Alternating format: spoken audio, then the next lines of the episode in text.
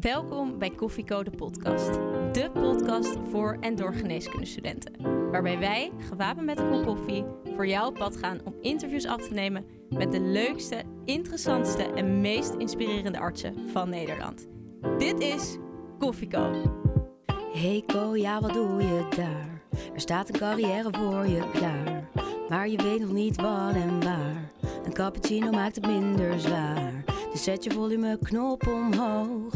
Want je luistert Koffie Co en je weet het zo. Pa, pa, pa, para, para, para. Welkom bij Koffiecode Podcast, de special.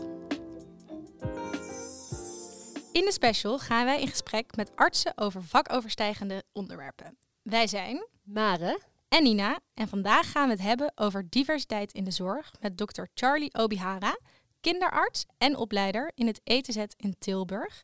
En daarnaast ook trainer interculturele communicatie voor zorgprofessionals. Dr. Obihara, welkom. Het is een uh, primeur. We zitten voor de allereerste keer in de opnamestudio van Medisch Contact. Zit je een beetje comfortabel hier? Ja, ik voel me vereerd om hier te zijn. Nou, leuk. We hebben het ook heel veel zin uh, om met jou in gesprek te gaan. En dat doen we niet voordat we beginnen met een kopje koffie. Hoe drink je hem het liefst?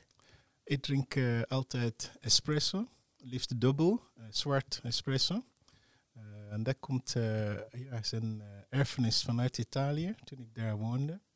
Dus ik ging zelfs naar het werk om vijf uur s ochtends met iedereen espresso drinken. Dus ja, dat heb ik nooit meer losgelaten. Dus zoals Ben en Nina net melk in de koffie dronken na elf, dat is absoluut niet ja. toegestaan. Dat is niet mijn ding. Nee. nee, nou, excuus. um, zoals ik net al zei, gaan we het vandaag voornamelijk hebben over diversiteit en ook inclusiviteit in de zorg. Maar wij zijn natuurlijk co-assistenten en daarom zijn we ook heel erg benieuwd naar uw tijd als student en co-assistent. Dus daarom de eerste vraag, waarom bent u eigenlijk geneeskunde gaan studeren? Uh, ik ben geneeskunde gaan studeren naar aanleiding van een incident wat in mijn familie in Nigeria gebeurde. Um, ik uh, ging vanuit Nigeria op mijn zeventiende naar Italië om biotechnologie te studeren. Uh, na die studie biotechnologie, of tegen het einde daarvan, overleden nicht van mij na een ongeluk. ze was toen zes. En um, ze overleed aan postoperatieve infectie in een ziekenhuis zonder kinderarts. Dus uh, ja, ging een knop in mij uh, om. Uh, toen ik, ja, was ik nog heel jong. Ik dacht, hé, hey, blijkbaar is kinderarts nodig in dat gebied. Dus zo ben ik een beetje van mijn carrière geswitcht op mijn 21ste. En geneeskunde gaan studeren. Dus het was nooit uw kinderdroom om dokter te worden? Nee, nee ik wilde eigenlijk ja, biotechnoloog. Dat heb ik ook gedaan. Om, met biodegradatie. Al dat afval van Shell in Nigeria te gaan verwerken. En ik droomde ook, uh, ja, goh, daarmee kan ik rijk worden. maar dat uh, veranderde na uh, dat incident. Ja, zo ben ik geneeskunde gaan studeren. En die koos er dus voor om naar Italië te gaan. Waarom Italië? Italië voor verschillende redenen. Um, toen ik in Nigeria woonde, het was normaal om naar Engeland, naar Amerika te gaan, want Nigeria is een voormalige kolonie van Engeland.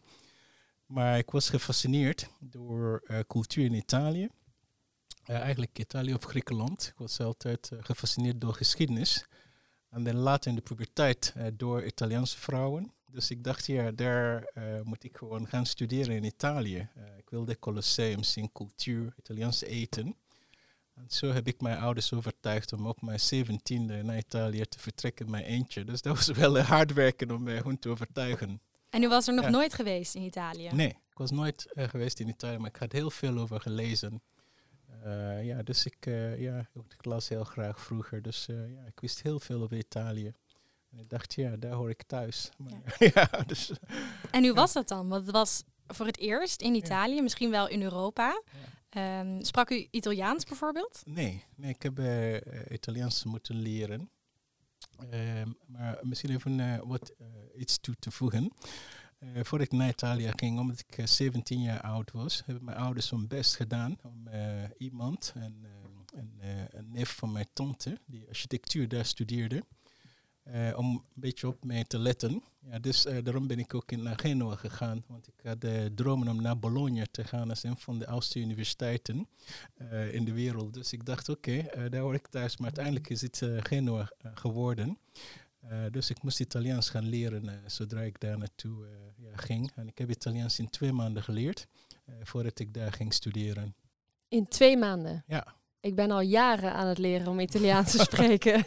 Misschien moet je daar gaan wonen, dan uh, komt het vanzelf. Want Italianen spreken uh, ja, niet uh, makkelijk andere talen. Hè? Dus nee. ja, je bent gewoon verplicht, je bent daarin onderdompeld. Dus je moet toch, ja... Dat, en hoe, hoe, hoe voelde dat dan voor u? Want u had een heel een beeld van hoe dat daar zou zijn. U komt eraan. En, sorry, ik moet je zeggen, dat hebben we net Ja, afgesproken. ja, ja, en wat, was, wat ging er in je om? Nou, was een culture shock. Sowieso um, uh, persoonlijk. Um, want ik heb um, uh, ja, gestudeerd, kostschool. mijn ouders waren niet zo arm. dus voor mij was wel sowieso vreemd om gekeken te worden als een crimineel. Omdat ik zwart ben.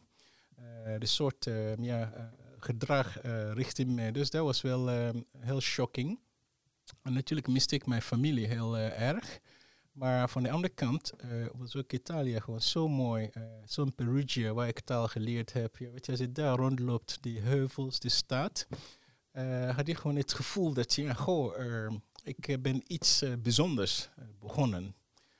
daar ga ik ook doorzetten. Ja, dus daar is, is een combi.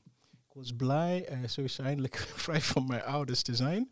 Mijn eigen dingen, geld te managen. Maar van de andere kant ja, was ik geconfronteerd met uh, racisme en discriminatie. En dat was voor de eerste keer in mijn leven dat ik eigenlijk merkte dat ik zwart uh, ben. Want in Nigeria natuurlijk, als iedereen zwart is, dan ja, let je niet op. Ja, um, ja. Je werd gezien als crimineel, zei je net. Kan nou, je dat wat verder toelichten? Nou, in de zin dat um, ik ging een keer, zeg maar, baan zoeken. Okay, hoe ik uh, bekeken word, wat er gezegd werd. Zes werd, zei iemand, nou ik heb een jonge vrouw, ik zie jou hier aanneem, dan ga je met haar vandoor. Ja, weet je, uh, dat werd gewoon uh, zo verteld. En dat deed natuurlijk heel veel pijn. Voelde zich u thuis in Italië? Um, in het begin niet zozeer. Maar later, toen ik ging studeren, dan heb ik ook Italiaanse vrienden leren kennen, waar ik ook ja, bij hun zeg maar, thuis ging met familie en zo. Dus daar, dat inderdaad, misschien is dat ook gewoon een fase in elke, iedereen die verhuist. Um, ja, maar dat nam, niet weg dat uh, ja, Italië toch vrij racistisch, uh, zeg maar, tenminste vergeleken met Nederland, uh, was in die, die periode. Um, en dat werd steeds erger naarmate meer zeg maar, Afrikaanse migranten naar Italië gingen. ja, dan merkte gewoon dat ja, bepaalde respect verdween. Iedereen dacht gewoon dat je een uh, verkoper was. Ja, voor hen was je nog een student, uh, had je nog respect met uh, appartement zoeken. Dat je gewoon een appartement kon krijgen en daarna werd het gewoon steeds moeilijker. En hoe ging u daar dan mee om?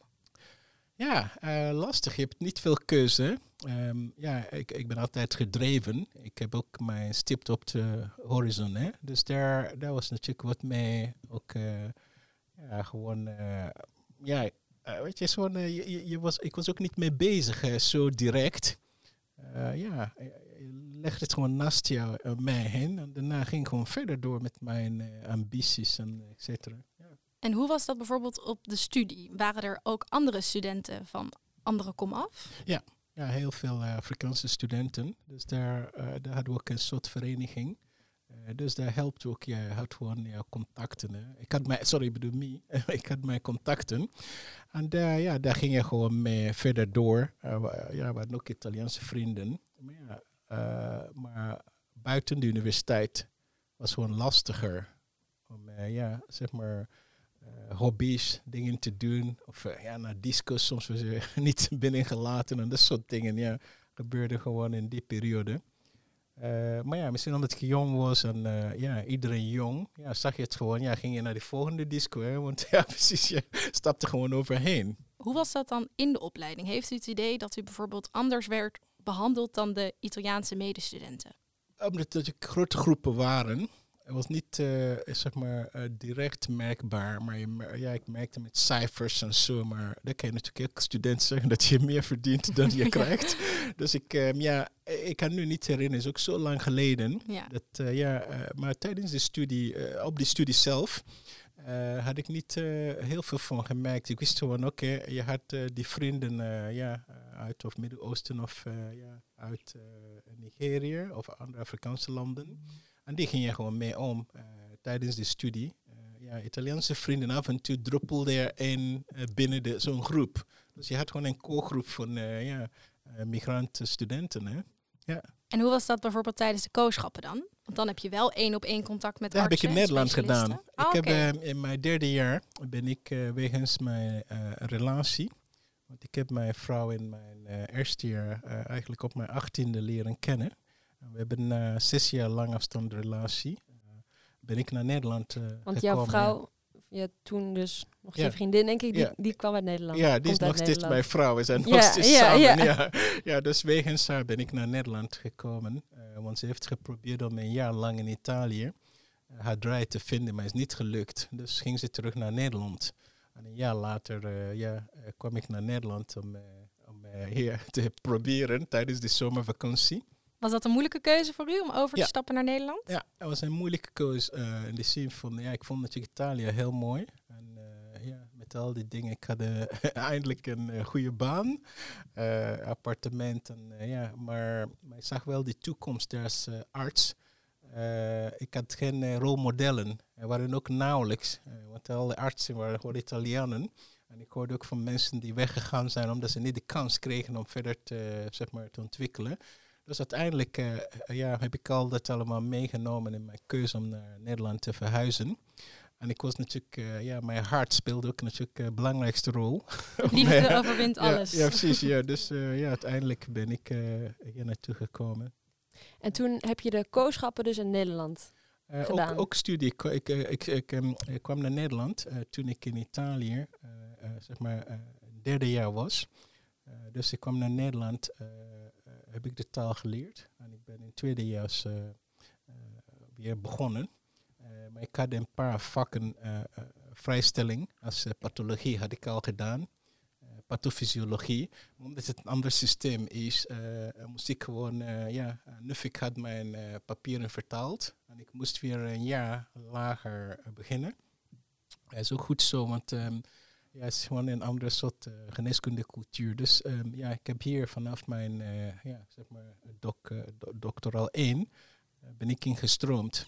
Na vier maanden Nederlands, want ik heb ook Nederlands in vier maanden geleerd. En ik kon niet een formele cursus volgen, omdat ehm, eh, minimum moest dit zes maanden zijn. Dus ik heb heel veel zelfstudie gedaan. Ja, want nou, de taal, dat is natuurlijk al een heel groot obstakel. Een hele nieuwe taal leren, maar ook een heel nieuw zorgsysteem, een hele nieuwe cultuur weer. Heel Hoe vond u dat? Nou, ehm, verschrikkelijk. Ehm, ik begon ook met multiple choice. eh, want in Italië, eh, examens waren eh, inderdaad klassiek, klassikaal. In de zin van, ja, je kreeg gewoon open vragen. En daarna had je practicum. En daarna had je mondeling. En daarna stroomde je door, wel of niet eh, gehaald. Dus multiple choice was wel ja, heel, heel lastig. En ik eh, had ook mijn eerste cijfers waren heel slecht. eh, vier, eh, vier en een half. Dat ik dacht, ja, dit ga ik niet redden. Omdat in de multiple choice de, ook nog taal... ja, ehm, ja, taal, dubbel, dubbel ontkennende zeg maar, vragen, daar kon ik echt niet halen. Totdat een vriendin, die werkte toen bij de bibliotheek in Amsterdam, ja, opeens zei na anderhalf jaar, goh, krijg je extra tijd? Ik zei, nee. Ze zei, ja, goh, met uh, andertalig mag je ook eh, woordenboek, Engels, Nederlands. En je mag ook extra tijd aanvragen. Dus toen eh, ja, had ik nooit iets van gehoord. Nadat eh, ik dat, eh, zeg maar, het lu- lukte om extra tijd te hebben en met woordenboek stegen mijn cijfers weer eh, naar een niveau wat ik kende. Eh, ja, dus dat was een beetje mijn redding. Eh, was ik misschien teruggegaan naar Italië of zo, ja. Dus dat was stap 1. ja, stap En stap 2 is natuurlijk, eh, ja, goh, ehm, eh, hoe eh, veel practica, veel ehm, eh, onderwijs waar je eigenlijk ehm, veel je mening moet geven in discussies, ook in practica en et cetera.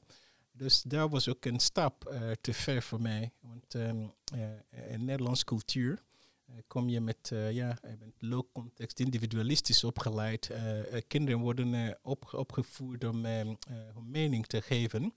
En in mijn collectieve cultuur, max, hoogmachtsafstand cultuur, was dat not done. Um, nog steeds ben ik bescheiden als vraag aan mij gesteld wordt, zelfs als opleider, ga ik kijk ik eerst rond in mijn vakgroep. Is er iemand die ook geïnteresseerd is voor het antwoord gegeven werd?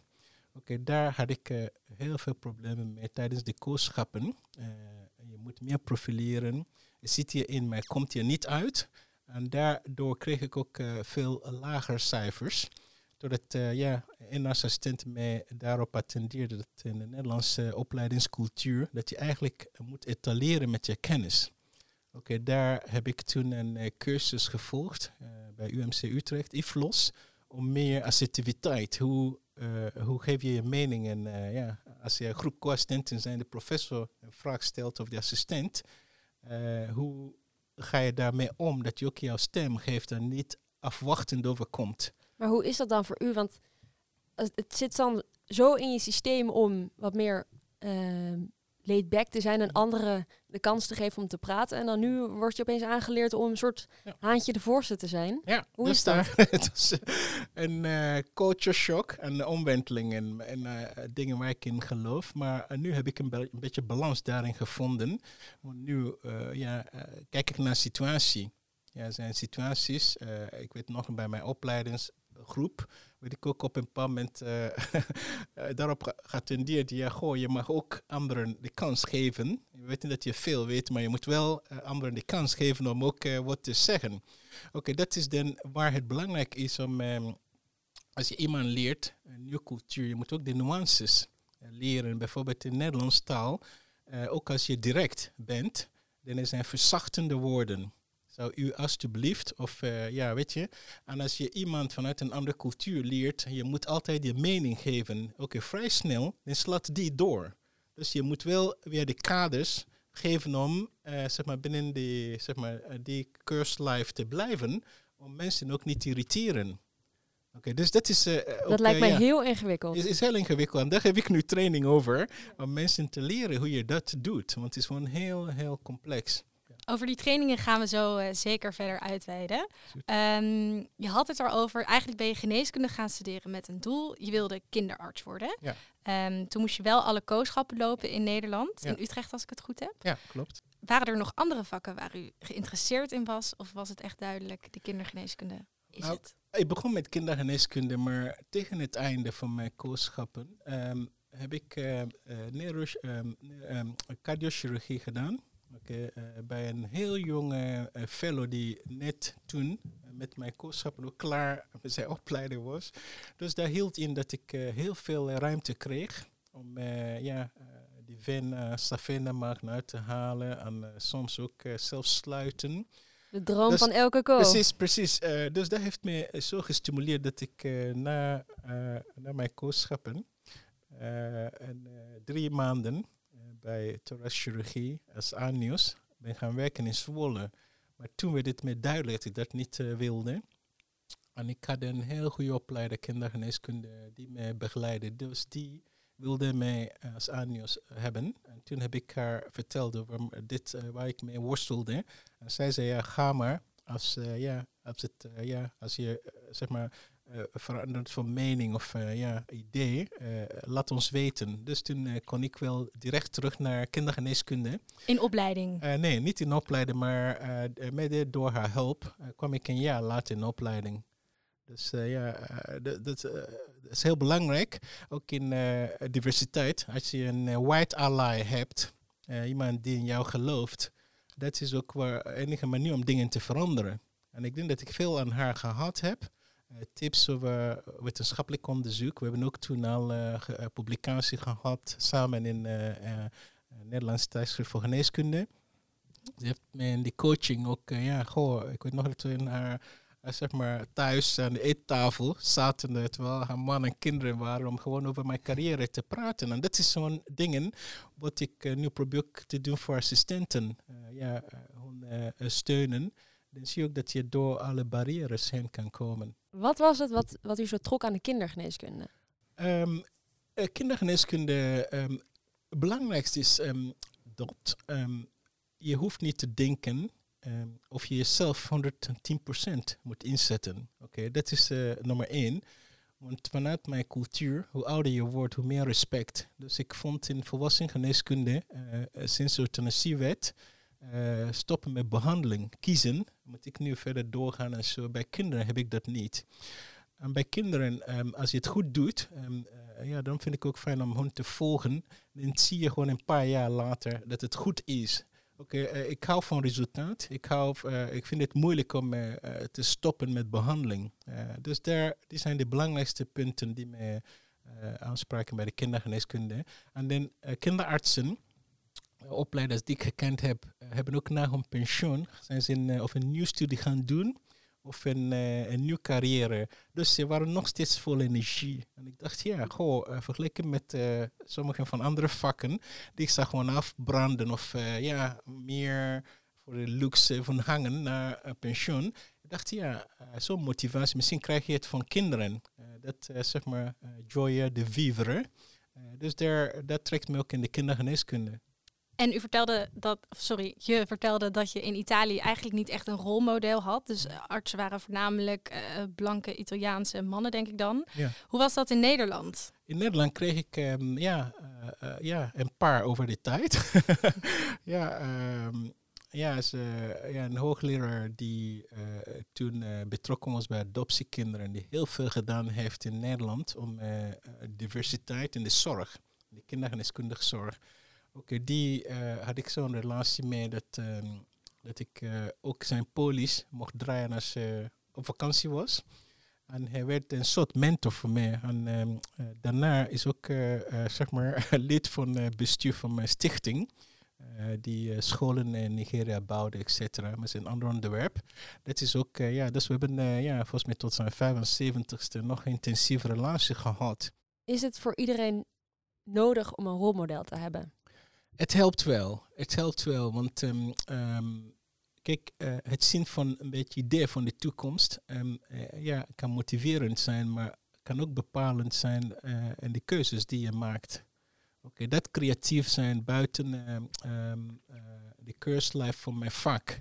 Oké, daar heb ik van de professor geleerd, die volgens mij op zijn 40ste of 44ste pas is gaan promoveren maar zoveel dingen gedaan uh, met de adoptie in Nederland is eigenlijk uh, door hem. Uh, hij reist ook meer naar China. Echt heel creatief. buiten je vak. En ik zag ook zijn energie, zelfs na zijn pensioen, bleef hij gewoon actief. En dat, dat is, ja, denk ik ook, is fijn om zo'n rolmodel te hebben.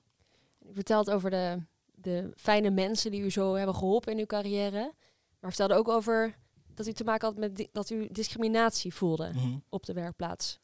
Ja, um, en de kliniek. Maar uh, ja, het is ook meer um, attitude uh, van hoe feedback gegeven wordt. Uh, ja, die zijn momenten, maar, maar het is altijd lastig natuurlijk om achteraf. Want het is ook vaak de interpretatie. Weet je, je ziet ook met MeToo dat je twijfelt. Ja, goh, ligt het bij mij? Maar door in het onderwerp te, verdiepen, door uh, ook nu als opleider te zijn, wat ik uh, hoor van uh, co-assistenten en assistenten, dan denk ik, hé, hey, ja, is toch vreemd als je een supervisor jouw opdrachten blijft geven, week na week, weer een collega. en niet direct. Oké, dat, um, ja, zulke dingen ga je dan twijfelen. Ja, goh, lag het bij mij? Of ja, je zat daar bij de discussie. Dan ga je weg naar een patiënt, kom je terug, krijg je een lijst en zo. Hè? En ik keer gooi, is er wel belangstelling om de feedback te geven. Waar ligt dat? Oké, dus dit, um, dat soort um, ja, momenten ga je dan over reflecteren. Uh, en je voelt het uh, heel erg. Maar je twijfelt aan jezelf. Uh, ja, maar dan later, als je met de collega's over hebben, iedereen vindt het gewoon vreemd. Maar je kan het niet plaatsen op dat moment. Ja, denk je, hmm, ja, is dit karakterologisch? Of ja, waar ligt dat? Merk je dit ook wel eens bij patiënten? Want je werkt natuurlijk voornamelijk met kinderen, maar ook ouders. Hoe is dat met hen? Nou, uh, ik heb twee gevallen gehad waar, ja, waar het uh, op speelde. Um, uh, ja, het begon een beetje met um, wat ze verwachten. Oké, eh, eh, de- vanuit mijn professionele eh, analyse, wat ik vond. Oké, dan hoor je van de verpleging. Oké, Eh, ja, hij wil een andere, ze wil een andere arts. Oké, eh, en eh, toevallig was ook die avond een eh, gekleurde assistent. En daar begon het mee. Ja, goh, ze willen eh, Andere de, de, de kinderarts. En Oké, de kinderarts blijkt nog zwart te zijn. Dat is een beetje, ja, en als die nog een andere arts wil, dan, eh, ja, terwijl die diagnose wat ik stelde uiteindelijk klopte. Oké, dan is een beetje, ja, gewoon met de verpleegkundige analyseren. Die zeggen, ja, weet je, mensen zijn zoals ze zijn. Het heeft geen zin om eh hier nu over, eh, ja, over te hebben. Maar wat was, wat was het wat die vrouw zei dan? Nou, die zei, ja, goh, ik wil, ehm, ik wil een andere arts. Oké, ehm, Met welke reden?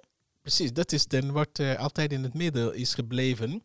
Eh, bij die assistent was gewoon duidelijk dat, ehm, ja, ze zei, de verpleegkundige zei tegen me, ja, eigenlijk, zoals ze het zei, wil ze haar niet omdat het zwart is. Oké, maar ja, ik, ik, ik, toen kreeg ik gewoon een glimlach. Ik zei, oké, ik ben ook, ook zwart. Dus ja, ik ben benieuwd hoe ze gaat reageren. Hij zag ook een beetje verstijven eh, ja, om twee uur s'nachts.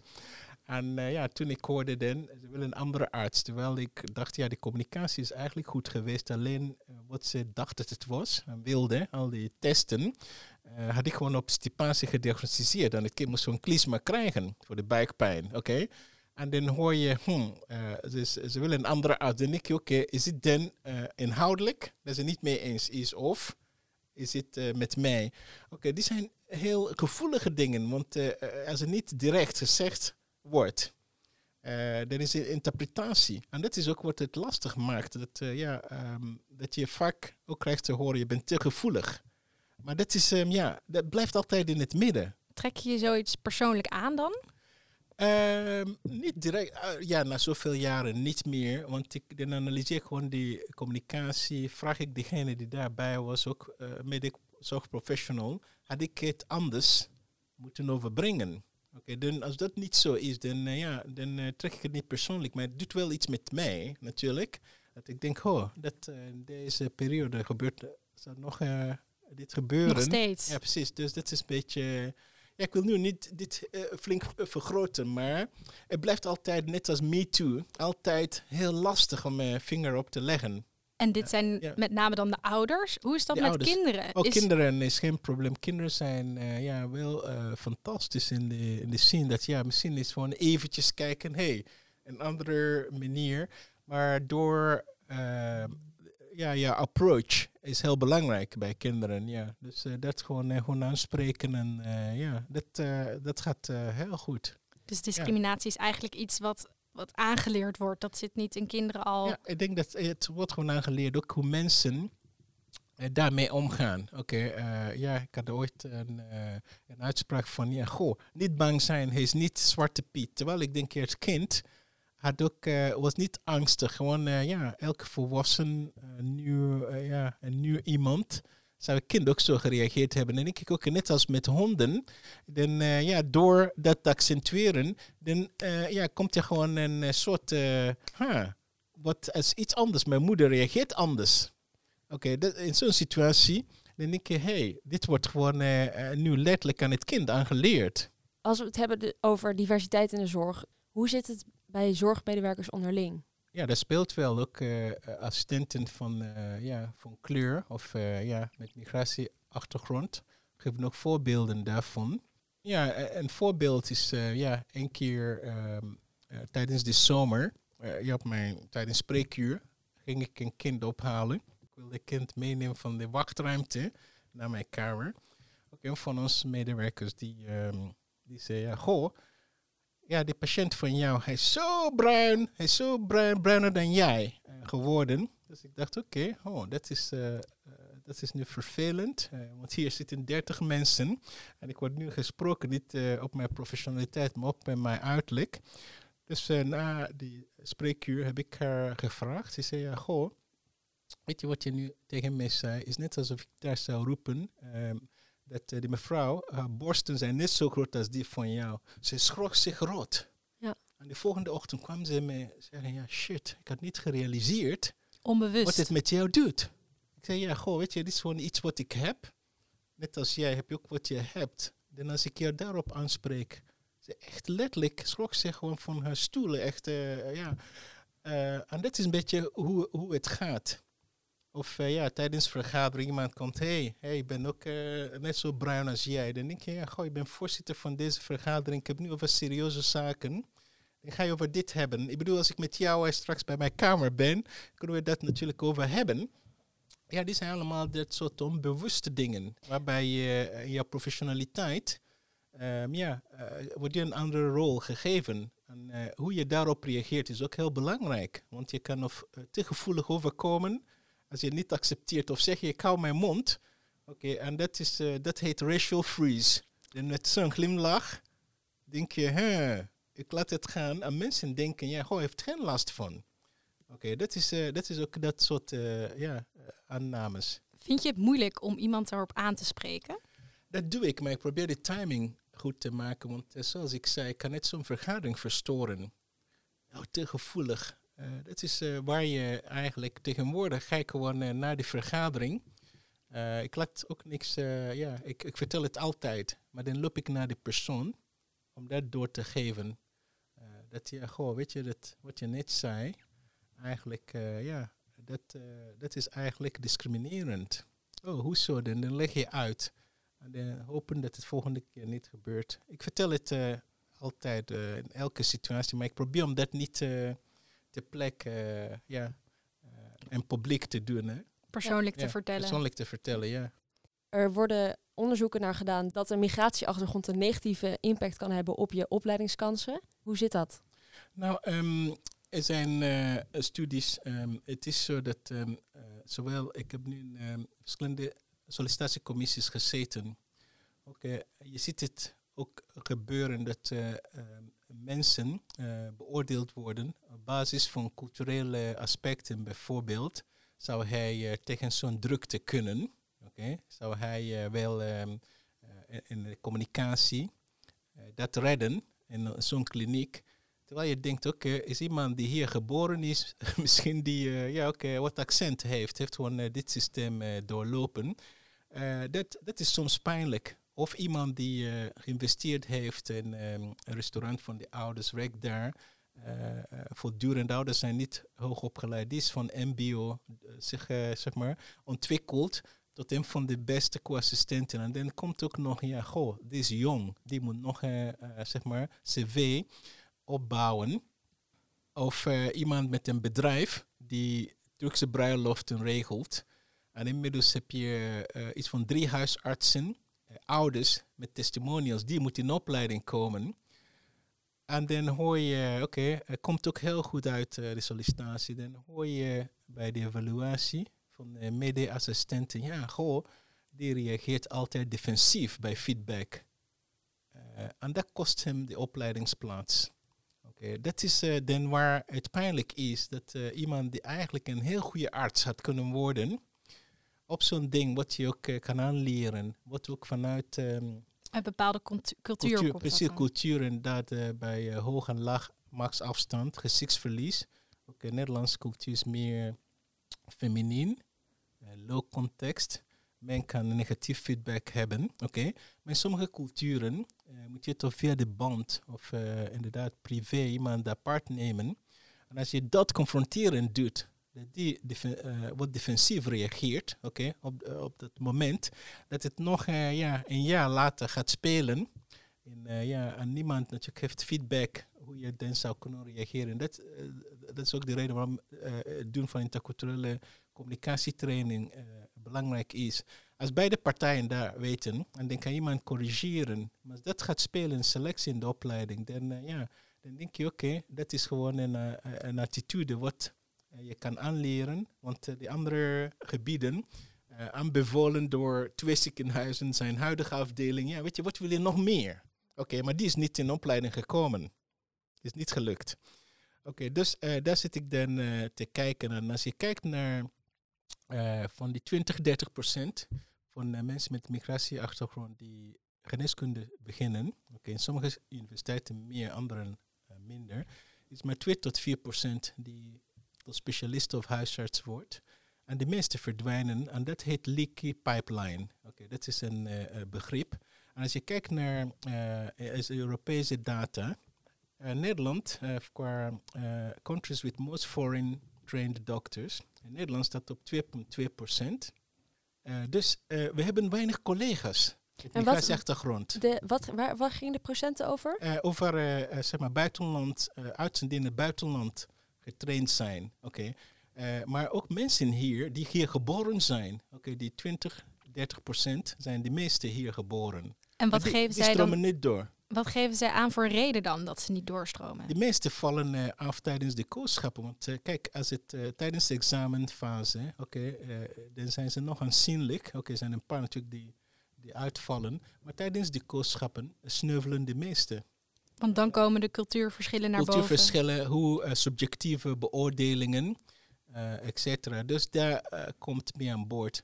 En hoe moeten we dit dan gaan veranderen? Um, door bewustwording. Oké, okay, uh, bewustwording door uh, onderzoeken, zoals in Rotterdam last, die liet zien dat co-assistenten met migratieachtergrond structureel uh, lage cijfers krijgen. Dat moet je wetenschappelijk bewijzen, oké? Okay? Um, ook in de, in, de, zeg maar in, in de sollicitaties is ook een andere studie uit Erasmus van interne geneeskunde. Allemaal uitgenodigd mensen voor de sollicitatie. Het blijkt dat mensen met uh, migratieachtergrond meer afgewezen worden. Oké, okay, zulke uh, onderzoek heb je nodig, want in Nederland, door ons low context, we zijn cijfergericht. Oké, als je niet aantoont, oké, en vanuit individualisme denken we dat we het allemaal beter weten. Oké, met cijfers kom je achter pas hoe het is hier. Uh, vooral als we vergelijken met andere landen, dan zien we ook dat we niet zo goed doen als we zeg maar, denken dat we het doen. Oké, en dat is dan um, wat tot verandering brengt. Oké, en die verandering kan op individueel niveau interculturele communicatietraining. Want dat leert je over jouw cultuur, over hoe je kan verplaatsen in de ander. Dat heet frame of reference shifting. En als je dat kan doen, dan kan je ook een beetje uh, instappen in de ander. en niet alles negatief zijn. Oké, en, um, en dat vraagt ook dat je meer onderzoekt. hey, ik zie dit bij jou, waarom doe je dat? Ook als je dat context hebt, kan je zo'n gedrag plaatsen. Maar als je het vanuit, uh, tenminste mijn Nigeriaanse uh, uh, cultuur, vertaal, dan vul ik het in. misschien bedoelt die ander het helemaal niet. Zoals bijvoorbeeld handschudden, is elkaar aankijken. De meeste culturen, jou aankijken als zorgprofessional betekent eigenlijk is, is een beetje als agressief beoordeeld. Je moet iets naar beneden kijken, omdat die andere meer macht heeft. En als je dat vertaald als onderdanig. Oké, dat speelt bij assistent in de beoordeling. Maar als je weet, ja, die komt uit een cultuur waarbij dat normaal is, kan je die leren uh, hoe je het hier in Nederland willen. En dan kan die ook veranderen. En je bent zelf opleider ook in Tilburg. Hoe ga je daar dan mee om als opleider? Hoe zorg je ervoor dat je dus wel bewust bezig bent met diversiteit? Op andere manieren um, is natuurlijk uh, door presentaties binnen mijn groep, maar ook um, uh, begeleiding uh, van assistenten, ook tijdens gesprekken daarover hebben. Bijvoorbeeld een Afghaans zeg maar meisje die qua attitude ja, een slechte beoordeling kreeg van haar Nederlandse zeg maar assistent. En bij de beoordeling vroeg ik wat het inhield. En dan hoor je, oké, goh, die is kleverig die staat te dicht bij jou, die uh, gewoon in jouw, zeg maar, jouw nek. En toen ik die, die zeg maar, die, het was een question trouwens, toen ik haar ging heb ik dit verteld. En ze schrok zich rot. Ze was er niet bewust van. Dus ik heb uitgelegd, kijk, als iets wat personal space heet, okay, personal space van een Nederlander is veel langer dan die van een Afghaan. Oké, ehm, en die van een Amerikaan is weer langer dan die van een Nederlander. Oké, dus als je ongevraagd binnen zo'n personal space komt, oké, dan komen er allerlei um, onbewuste processen. Uh, fight, flight, je reptiele brein gaat werken.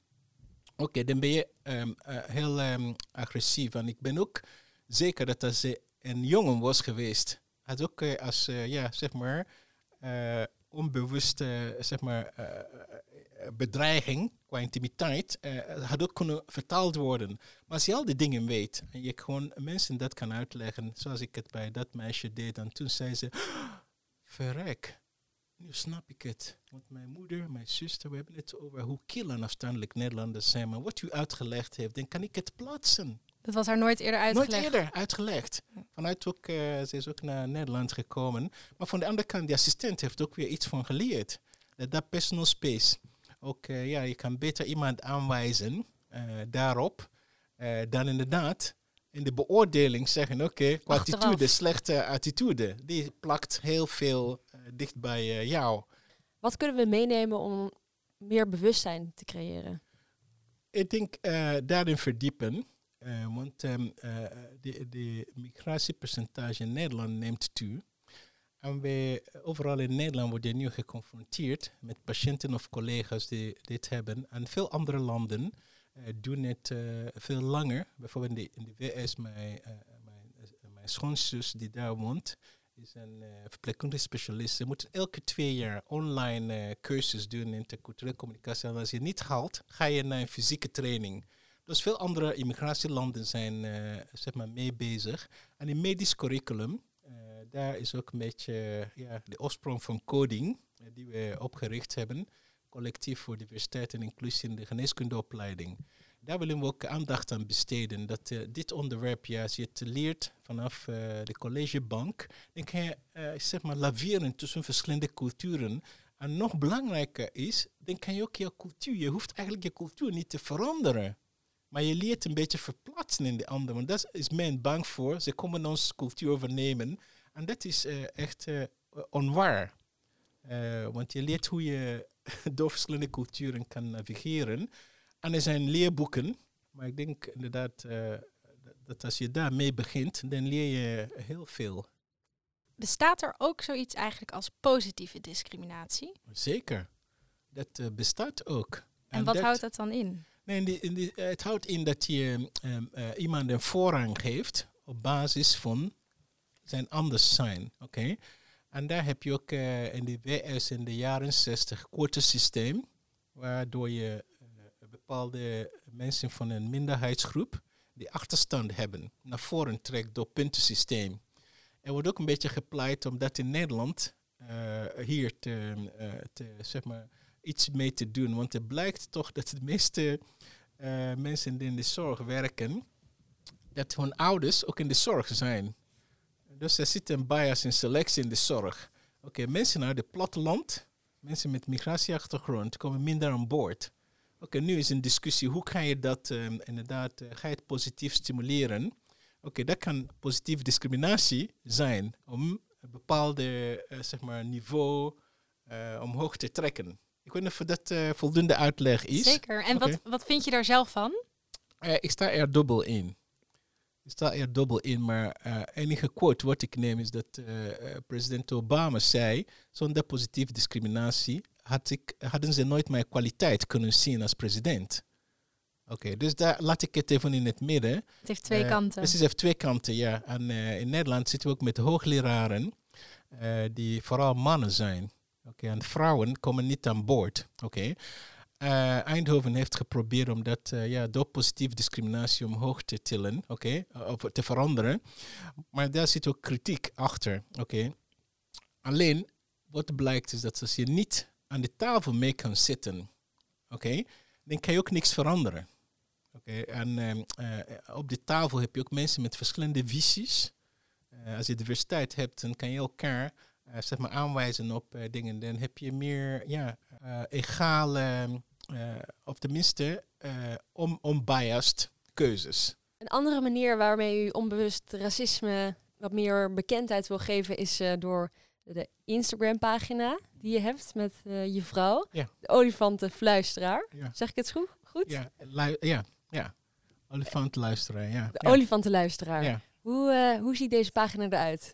Nou, het is, um, het, is een het is een pagina met allerlei um, uh, getekende beelden van situaties waarbij onbewuste discriminatie een rol speelt, onbewuste bias. En we hebben uh, het gedaan naar aanleiding van uh, Black Lives Matters. Want we dachten, ja goh, je hebt mensen natuurlijk in een um, verandering, die barricades opzetten. Maar we gaan niet zoals je, goh, is ook jammer als de tegenpartij van de meerderheid, de witte Nederlander, niet weet wat hij verkeerd doet.